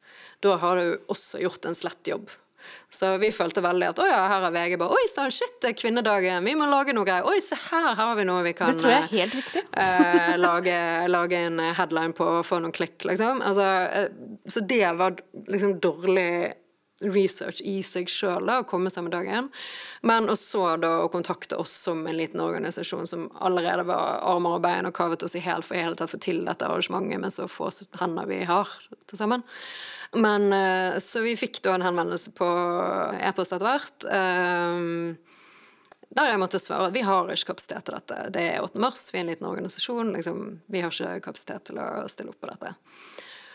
Eh, og så noen timer seinere så får jeg Ja, vi lager en sak, vi. Og her er noen sitater da som de hadde fått fra arbeidsutvalget i 8. mars-komiteen, eh, der det var flere ting som var feilaktige om oss, da. Og da var det sånn OK, VG lager en sak. Alle leser VG, dessverre. Og, og dette vil bli lest og bare forstått fra den ene siden. OK, vi har ikke tid til dette, vi har ikke energi til dette, men OK, vi får prøve å eh, få fått et svar på i hvert fall direkte det som adresseres her. Da? Så, så det gjorde vi, og meg og nestleder gjorde det. Skrev under med begges navn. Og da blir jo typisk bare noen av tingene tatt med. Det er bare jeg som siteres. Nestleder er ikke tatt med. Eh, Det fremstilles som dette er en form for intervju av meg. Det er det jo overhodet ikke. Dette var jo bare veldig sånn kjapt med å få kommentere akkurat det direkte. Og så publiserer de drama før 8. mars. Det sto jeg og leste når vi sto på Eidsvolls plass og jeg begynte å gjøre oss klare. Liksom. Da var det på forsiden liksom, av VG sin nettside. Så saken var jo ja, et makkverk. Eh, og så klarte de å gjøre det enda verre, da. For en av tingene som vi adresserte, var jo transfobien på parolemøtet. og At det var en av grunnene til at vi valgte å lage vårt eget arrangement. Så finner de da Vi har ikke navngitt denne personen, jeg visste ikke hva hun het engang. Men de finner da ene personen som er omtalt, får sitater fra hun, da. Som gjør da at 8. mars eh, så ligger denne på forsiden eh, av vg.no med tittel 'Menn kan ikke være lesbiske'. Så da valgte VG å bare sånn Ja, hei, vi bare putter litt sånn hatytringer, vi. På forsiden. Eh, på forsiden. Ja, kult. Eh, og kobler da navnet mitt, kun mitt, eh, til en sak som jeg eh, ikke har villet se hva transfobene brukte det til på Twitter, for å si det sånn. Igjen, oss som organisasjon, et prinsipp i at vi vil lytte til de det gjelder, er jo òg at vi ønsker selvfølgelig kjempevelkommen i vårt styre og i alle som arbeider med oss, at det er folk som har ulike identiteter. Eh, som gjør jo at vi selvfølgelig da har et styre som blir rammet av eh, disse tingene her. Eh, sånn sett er jeg perfekt målskive som et ganske så privilegert menneske. Men det er jo likevel ikke greit sant, å sette vår lille organisasjon på forsiden av VG på den måten, med den fremferden, og koble oss til transfobiske utsagn. Det var veldig ubehagelig. Så ja, vi fikk svar på klagen med sånn ja, dette, vi skal gå gjennom rutinen vår, et eller annet. Så det var den ene opplevelsen i fjor. Uh, I 2022, siden du nevnte Klassekampen, 2022 lagde Klassekampen en veldig god sak. Uh, de brukte mye tid, de var til stede på våre møter, de snakket med flere av oss, de var til stede på vårt arrangement på 8. mars, for da gikk vi fra Youngstorget. Da det andre arrangementet startet, og gikk eh, vår egen rute til vårt eget arrangement, og boikottet liksom Youngstorget, da. Og den saken var veldig bra, så, så når da Klassekampen tok kontakt nå eh, Først tok de kontakt fordi de hadde sett vi skulle ha vårt eget parolemøte, ville snakke om det. meg og nestleder var veldig tydelige på at vi veldig gjerne Fordi vi vet hvordan ordene våre hele tiden blir vridd, så vi ønsket å møte journalisten fysisk. Sa tydelig ifra. Dette kan vi altså den og den dagen, da. Det var en fredag vi kunne. Det kunne ikke de vente på, da. Så torsdagen intervjuet jeg da nestleder på telefon. Jeg var utilgjengelig hele den torsdagen. Um, og publiserer dette da fredagen med et svært bilde av meg som de ikke hadde tid til å vente på å få sitat fra. Og igjen setter det inn i sin egen sammenheng, sånn, får sitater fra uh, arbeidsutvalget, sånn at igjen vi kommer veldig dårlig ut av saken, da. Sant? Mm. I etterkant av det sender vi inn et leserinnlegg til mm. Klassekampen for å rydde litt opp i fremstillingen. Får først liksom signaler på at dette skal de trykke. De trykker det ikke. Så ble vi kontaktet av en journalist fra Klassekampen. Ja, kan jeg få komme på parolemøtet deres? Ønsker å lage en større sak. Eh, der jeg liksom deltar på deres parolemøte og de andre sitt. Så tenkte vi hm, ja, kanskje dette da sant, blir bedre enn at vi skriver det leserinnlegget. At Klassekampen lager en Uh, ny sak, sånn så, og da håpte vi at det ble sånn som så den i 2022, så var etterrettelig som siterte oss på det vi faktisk sa. Som tok med de fleste av de viktige tingene og framet det på en etterrettelig måte, da. Men nei da, da ble det um, 'Vil ha med mannfolk', var overskriften. Uh, og da hadde journalisten deltatt på hele parolemøtet vårt, der vi diskuterte Eh, partnervold, seksualitetsundervisning, samtykkelov, Palestina, interseksjonalitet Altså, sant? Mange ulike saker. Eh, men eneste som var med, var sexkjøpsloven og eh, at vi ønsket menn velkommen i feminismen. og jeg er jo sitert der, og det var jo det jeg fikk spørsmål om. Mm. Men da, det var på slutten av kvelden, og jeg tenkte ja, ja, da har jo de snakket med andre folk og vært på hele møtet, så dette var sikkert noen avklaringer de bare trengte på slutten. da. Men så det, ble det hovedfokus i saken. Jeg fikk jo også spørsmål om inkludering av ikke-binære, så jeg svarte på hvorfor det var viktig. Det var ikke med. Nei. Uh, det er jo en viktig sak for oss, som er en av grunnene til at vi arrangerer vårt eget parolemøte og vår egen markering. Sant? så det var ikke med. Uh, det var ingenting med om liksom, hvordan møtet forløp sånn som vi hadde håpet. Da, at ja, vi diskuterte saker med nyanser, vi var uenige, men det var ingen som kalte hverandre stygge ting. sånn vi tillot eh, applaus, ikke buing, men det var ikke et problem heller. Men vi tillot applaus, vi syns heiing er viktig. Um, på, på, det andre parolemøtet er all form for altså både heiing og buing forbudt. Mm. Uh, men vi tenkte det er, sant, det er litt sånn ekkelt å tale til en forsamling og sånn, så det er fint å kjenne på, på den støtten. Ja. Så ja, så det møtet gikk jo jo akkurat sånn som vi ville det skulle være. Og vi var stolt av det. Eh, at det hadde liksom vært en deilig space. Mm. Vi hadde fått snakket om mye viktig og Men det var liksom ikke det? Det var jo ikke det som kom frem. Det som kom frem, var at vi var opptatt av sexkjøpsloven, og at vi ønsket eh, menn Vi ville ha menn, liksom. Jeg blir liksom så frustrert, for det, i, i tilfelle Altså den VG-saken som vi snakket om, så er det på en måte ganske tydelig at det er inkompetanse. Føler, altså, ja. tror jeg. Eh, men vi, vi etablerte jo i vår aller første episode så etablerte Maren og jeg et eh, begrep som heter trickle down-inkompetanse. Eh, som ja. da Virker den i motsetning til den andre? Altså, ja, de får spredd inkompetansen, for å si det på den ja, den, den tror jeg, jeg tror trickle down-inkompetanse er mye mer reelt enn trickle down-economy. Mm. Mm. For det er liksom et eller annet med at de skal skrive saken samme dag. Mm. Eh, det er en nyhetsjournalist, eh, og de ringer til eh, den ene siden og den andre siden for å sjekke om det regner og alt. Sånn som er sånn, eh, sånn de opererer i hurtig, hurtigmedia. Eh, men her er det litt sånn Her blir jeg litt i tvil om hva som egentlig skjer. For de har jo helt åpenbart et mye bedre grunnlag for å presentere dere for det dere faktisk står for. Mm. Og allikevel så ender det opp ja. på en helt annen måte. Mm. Og, det... Og, og det, i tillegg til at de da sant, først gjorde en slett jobb med det ene som de skrev i forkant av parolemøtet, så ikke vil ta inn at vi snakker for oss sjøl, underskrevet av hele styret. Uh, som er jo en type tekst vi ikke har sendt inn noen andre steder ever. At hele styret liksom går sammen om å Dette er greien, liksom. Mm. Dette er greia nå. Det er en sak alle vil ha på trykk. Nei da, men uh, Her er greia. Her er greien. Hva er greia med inkluderende feminisme? Nei, men det var jo litt det. En sånn type Ja, tekst. ja. Hva, eh, for det at igjen ble det jo fremstilt uh, sånn at ja, Mm. det er vanskelig å skjønne hva, hva vi egentlig står for. Sant?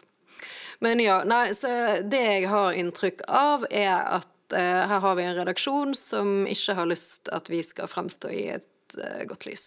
Eh, og det fikk vi også bekreftet, syns jeg, av artikkelen som da kom fra det faktiske Altså det offisielle parolemøtet etterpå. Ja. For der var det sånn Der ble de sitert på hvor deilig det var nå at de kunne diskutere de viktige sakene nå når vi trøbbelmakerne hadde latt være å møte opp, da. Ja, nå som de endelig slipper å diskutere den helt uviktige saken, Ja, ja, sexkjøpsloven. ja. Disse dumme minoritetene som kommer og er oppviglere, sant. Um, så var det sånn Å ja, her var det enighet. Å, de, å partnerdrap og Palestina. Bare sånn mm, Vi snakket også om det.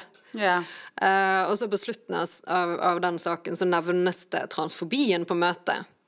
Og at ingen paroler om transpersoner overhodet ble vedtatt. Og det er bare nevnt sånn Ja, Rødt sitt forslag til parole om transinkluderende ble nedstemt til gisp fra salen. Det var liksom ja, ok. Så litt sånn casual transfobi, ingen inkluderende paroler. Eh, Ingen prostitusjon er vold mot kvinner. Det var sånn, Å ja, ok, så nå har de hatt et uh, hyggelig møte uten oss, liksom. Eh, der de fikk snakke om partnerdrap. Ja, for det inkluderende feminisme er selvfølgelig ikke opptatt av partnerdrap. Nei, inkluderende feminisme elsker faktisk partnere. Vi syns det er kjempe, partnerdrap. kjempegøy. Norges første feministiske organisasjon som er for partnerdrap. Oxe. Ja, men det, det virker jo Jeg ser allerede for meg soundbites eh, på eh, transfob eh, Jeg, jeg, jeg, jeg tror jeg bare må signere absolutt alle utsagnene mine ved navn, sånn at jeg ingenting kan tilskrives Marianna. Vet du, det her er bare det profesjonelle trollet Fuxia Blix som er, eh, er uh, ute igjen. Det kommer de ikke til å ta med. Det kommer de Nei, nei, det, det kommer de faktisk ikke til å ta med. Men det virker jo litt som at uh, Så når vi skal snakke om trickle down inkompetanse, at ja, du har redaksjoner som sitter rundt omkring, eh, har forskjellige motiver for å presentere ting dårlig, enten det er eh, ideologisk, som Altså, jeg vet ingenting om hvordan det her har foregått i Klassekampen, men hvis man ser på Klassekampen de siste årene, da, så er det en tydelig slagside Ja. eh, fra redaksjonen. Jeg snakker ikke om enkeltansatte, jeg snakker om redaksjonen. Eh, hvor de kanskje ikke har interesse av å fremstille dere på en redelig måte, eller det kan være så enkelt som at de vil ha klikk og sånn. Det, det tror jeg i hvert fall at VG er. Så du bare har en, en blanding da, av uh, forskjellige eh, faktorer som gjør det nesten umulig å få fremstilt det her på en, en god måte, og da har du trickle down inkompetanse, for da drypper jo det ned på fra øverste hold til eh, sakene som presses ut, som igjen påvirker hvordan de som leser sakene, oppfatter deres organisasjon. Mm. så den trickle-downen er ganske, ganske effektiv, da. Ja. Og så er det skikkelig kjipt òg, for det at øh, Klassekampen er en viktig avis. Uh, jeg syns uh, de, de skriver grundige saker, de tar opp temaer som mange andre ikke tar opp. Eh, det er en viktig avis for venstresiden, som jeg er en del av. Og en venstreside som jeg skulle ønske var mer opplyst i noen av disse temaene som er så viktige for oss. Ja. Og så er det ikke det som skjer. Eh, så vi er litt der nå at Hvorfor skal vi snakke med media? Vi vet de vrenger opp ting. Vi vet eh, vi er perfekte til å få alle de klikkene de vil ha, fordi vi inneholder som jeg snakket om i sted, alle de, alle de tingene som de får klikk på. Eh, jeg jobber jo i tillegg med seksualitet. Uh, sant? Altså, det er jo Ekkelt. ja. Nei, men det er jo alt de liker å misbruke og vrenge på. Sant? Um, og det er sånn helt siden første gang jeg noensinne stilte opp i media på noe, så er det min erfaring med media. Uh, de Det er så å si aldri en etterrettelig fremstilling av ting. Og, og selv når det er det, så klarer de ikke å stave navnet mitt. Altså, det, det er liksom Hvorfor Ja. Inkompetanse, det Jeg er også norsklærer. Altså. Nilsen er ganske apropos- vanskelig, da. Du må gi dem litt Apropos eh, til neste person som skal skrive om meg. Jeg er norsklærer. Ja, nei, det er eh, Det er imponerende hvor eh, dårlig, dårlig det kan gå. Ja. Og, og hvor eh, dårlig det er for absolutt alle. Eh, For det man kan jo på Altså, det er jo sånn Når dere går ut av det uh, liksom offisielle 8. mars-toget, så er jo ikke det fordi at dere ønsker å splitte kvinnebevegelsen. Eller som eksempel som når Judith Butler tar opp disse tingene, så blir hun beskyttet for å ville ødelegge feminismen. Eh, men det handler jo om at ok, men vi har faktisk identifisert en del ting som ikke funker. Og vi har lyst til å se nærmere på det, Ja. så at vi kan gjøre noe med det. Og så kan vi kanskje få en feminisme som funker for alle. Ja. Selv om eh, det nå, er, per i dag, er bedre å ha to arrangementer, så må på en måte håpet da være at man på et eller annet tidspunkt kan slå sammen igjen og møtes og bli enige om, om en feminisme som faktisk fungerer. Ja, og så er det noe med at vi kan ikke bli enige, og det er jo noe av poenget vårt òg, at så, sånn som kritikken vår mot noen av parolene eh, har jo vært at eh, de gjør at nyanser ikke får lov å komme frem. Sant? Hvis du har en hovedparole som sier 'styrk sexkjøpsloven', så får ikke du lov å gå der og skrive eh, 'fjern hallikparagrafen', selv om det ikke er det samme, på en måte. Vi mener ulike ting. Det er mange nyanser i disse sakene. Eh, Det er, det er komplekst, og, og da må den kompleksiteten og, og kompleksiteten i det å være feminist, eh, å være kvinne og, og, være ulike, da, at det må få, få komme frem, da. Eh, Og at ikke sånn du må passe inn i denne malen for å kunne være en verdig feminist, liksom. Men eh, Nei, det vi tenker, er jo at eh, det er jo denne veien feminismen må gå. Og så er det noen som henger igjen i fortiden, og da kan ikke vi fortsette å bruke energien vår på både det og hets mot minoriteter. Det, sånn, det, det går faktisk ikke. Én ting hadde vært hvis det bare var eh, diskusjon om saker der man var uenig og følte at man ikke ble helt hørt. Sånn. Men, men når det i tillegg er å ja, nå skal vi gå og delta i en space der eh, de, noen av de, de mest sårbare skal møte masse hets, det har man ikke lyst til å mobilisere til, på en måte.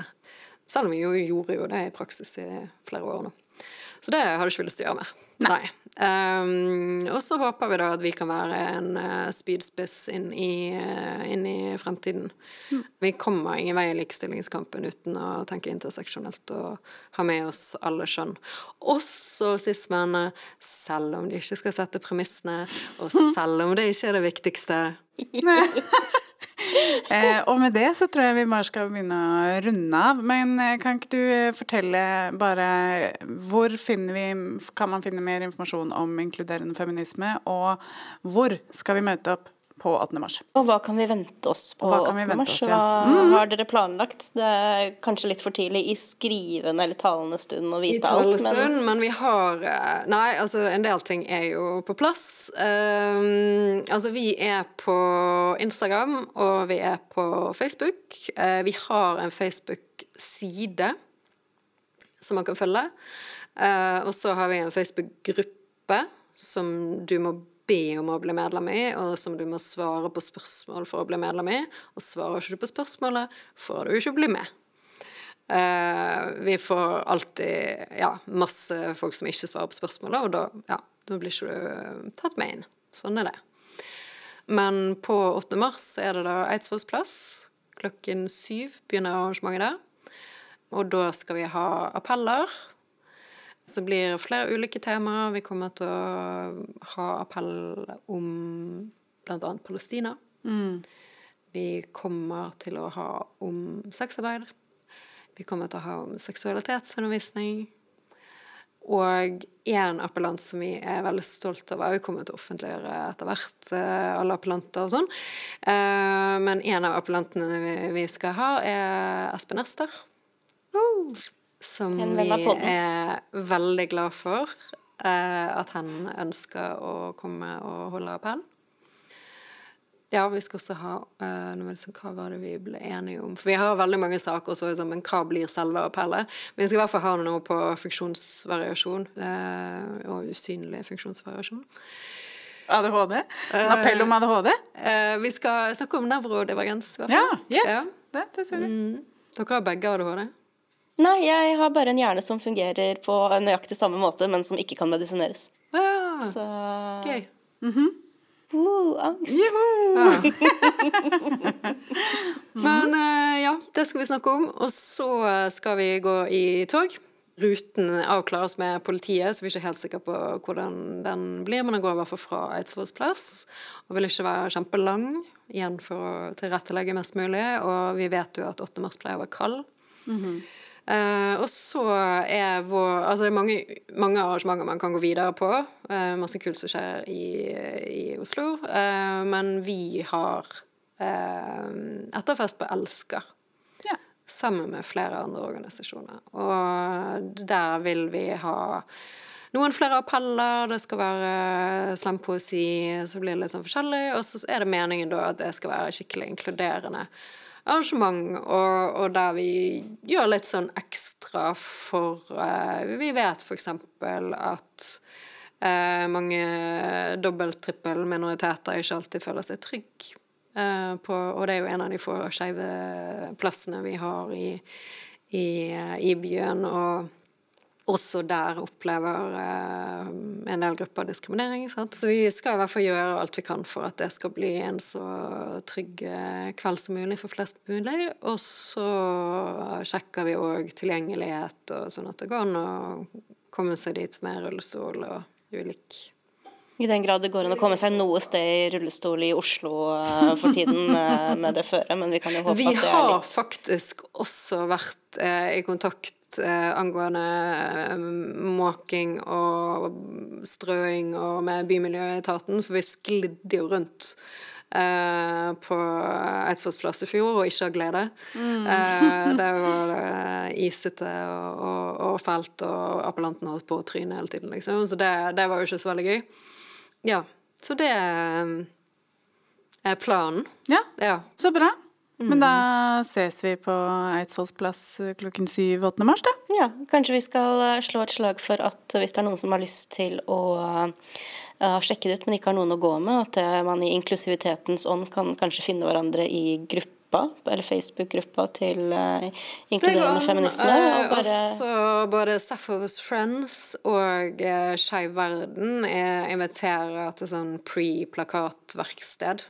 Mm. Uh, først, for det en event ute på I hvert fall på den med Skeiv verden. Plakatverksted, og at man kan gå da sammen. Vi har også paroleverksted Nå vet jeg ikke når dette kommer ut, men vi har paroleverksted 26. februar. Mm. Det er også event på Facebook, og deles også på Instagram. Vi er ikke på Twitter lenger. Ja, nei, men da, da, slenger vi også ut lenker til de forskjellige tingene som folk kan uh, trykke på og finne frem. Ja, og så sier vi tusen takk til deg, Marianne. Mm, tusen takk. Tusen takk, Det var veldig gøy å jazze med jentene. Mm. Vi har kost oss masse. Mm. til neste gang. Til neste gang. Ha det. Ha det. Føles alltid sånn corny å si ha det. It was just